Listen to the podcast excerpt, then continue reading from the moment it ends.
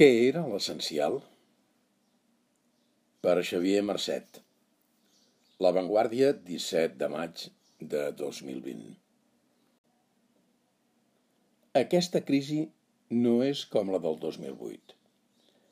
Llavors el protagonisme el tenien els bancs, les constructores, les immobiliàries.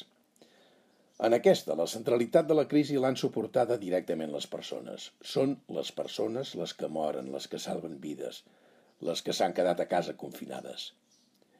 No sabem quan durarà, però sí que sabem els dies que fa que som a casa. El nombre de morts i l'afectació total de l'economia ha portat moltes persones i moltes organitzacions a preguntar-se per l'essencial. Són moments en què l'essencial es revaloritza i l'aleatori es relleva com a més prescindible. Cadascú sabrà respondre què és l'essencial per a les seves organitzacions. Entre les moltes combinacions possibles, em decanto per respondre que l'essencial ha estat la consistència, la confiança i la humilitat. La consistència ha aparegut en aquelles empreses que han reaccionat per sobreviure. Penseu en persones, tresoreria i clients, i han acceptat i entès que el seu escenari de més o menys confort s'havia esfumat de cop. Hi ha organitzacions que només semblen creades per a l'èxit, però no per quan les coses es torcen. La consistència és haver assumit que en les trajectòries llargues la combinació d'èxits i fracassos és una cosa natural. En condicions normals, la consistència és saber combinar la gestió dels negocis actuals amb l'exploració dels futurs. Enmig d'aquesta crisi de la Covid-19, la consistència consisteix a saber resistir i canviar alhora. Com sempre. Moltes empreses han fet en dies el que en condicions normals haguessin fet en mesos. Hi ha lliçons per aprendre i moltes d'aquestes lliçons suggereixen canvis que poden millorar les empreses.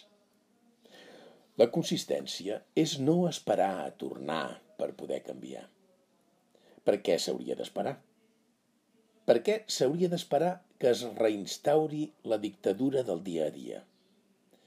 No val més aprofitar aquest moment de ruptura d'inèrcies? La consistència és començar a resincronitzar capacitats i oportunitats des d'ara mateix. És no deixar de pensar en clau de futur, per molt dures que siguin les transicions que imposa el coronavirus.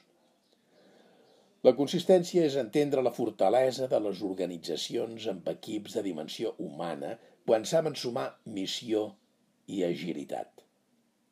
La consistència és afrontar la complexitat sense convocar més sofisticacions de les necessàries. La consistència no necessita pretensions en l'ambició ni tampoc s'afilia a la queixa perpètua. La consistència és pensar i actuar. La consistència és no deixar mai d'observar el client. La crisi de la Covid-19 mourà l'agulla de molts sectors i definirà noves tendències.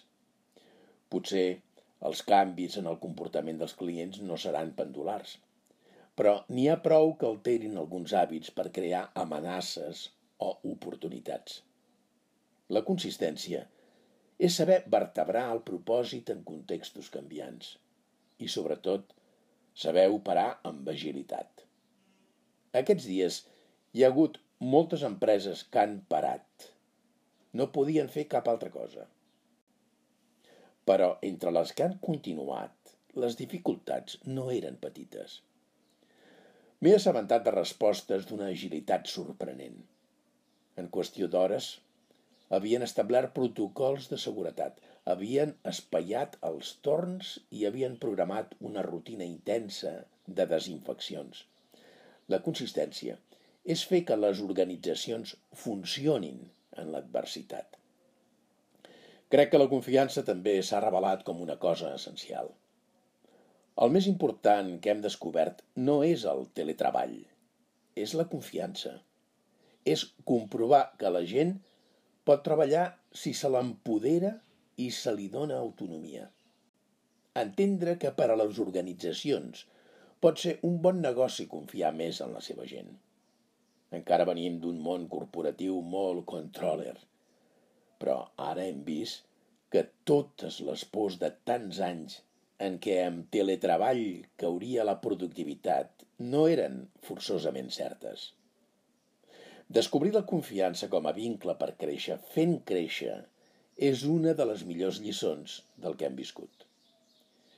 Hi ha hagut gent que s'ha amagat i ha aprofitat el teletreball per replicar les seves inèrcies indolents.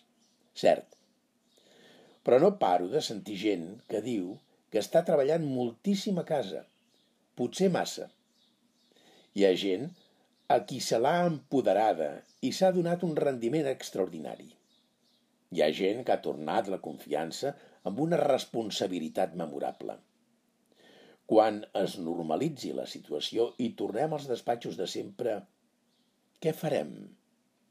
Remuntarem la confiança? Decapitarem l'autonomia? Desempoderarem? Tornarem a la cultura estricta dels controllers?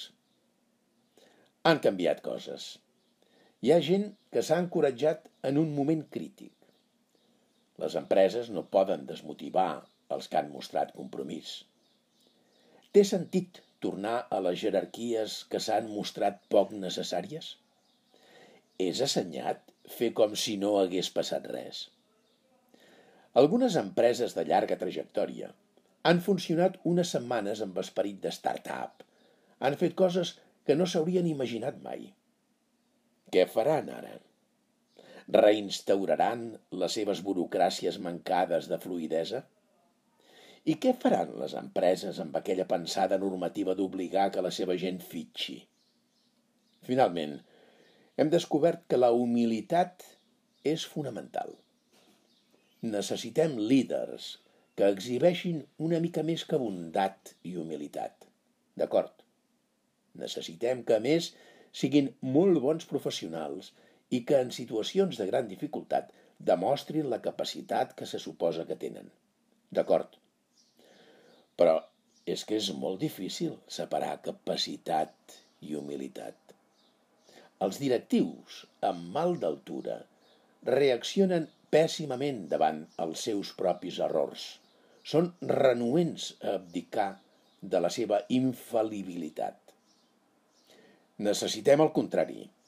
Gent amb la força de moure organitzacions des del fons del pou, amb gran ambició i molta fam de futur, que transmeti la naturalitat dels humils i que no posi objeccions a rectificar. En aquesta crisi, qui no hagi dubtat és que no ha pensat. I qui no s'hagi equivocat és que no ha decidit prou. Venim d'unes setmanes en què no s'havien de donar gaires voltes al que era essencial. L'essencial era la vida.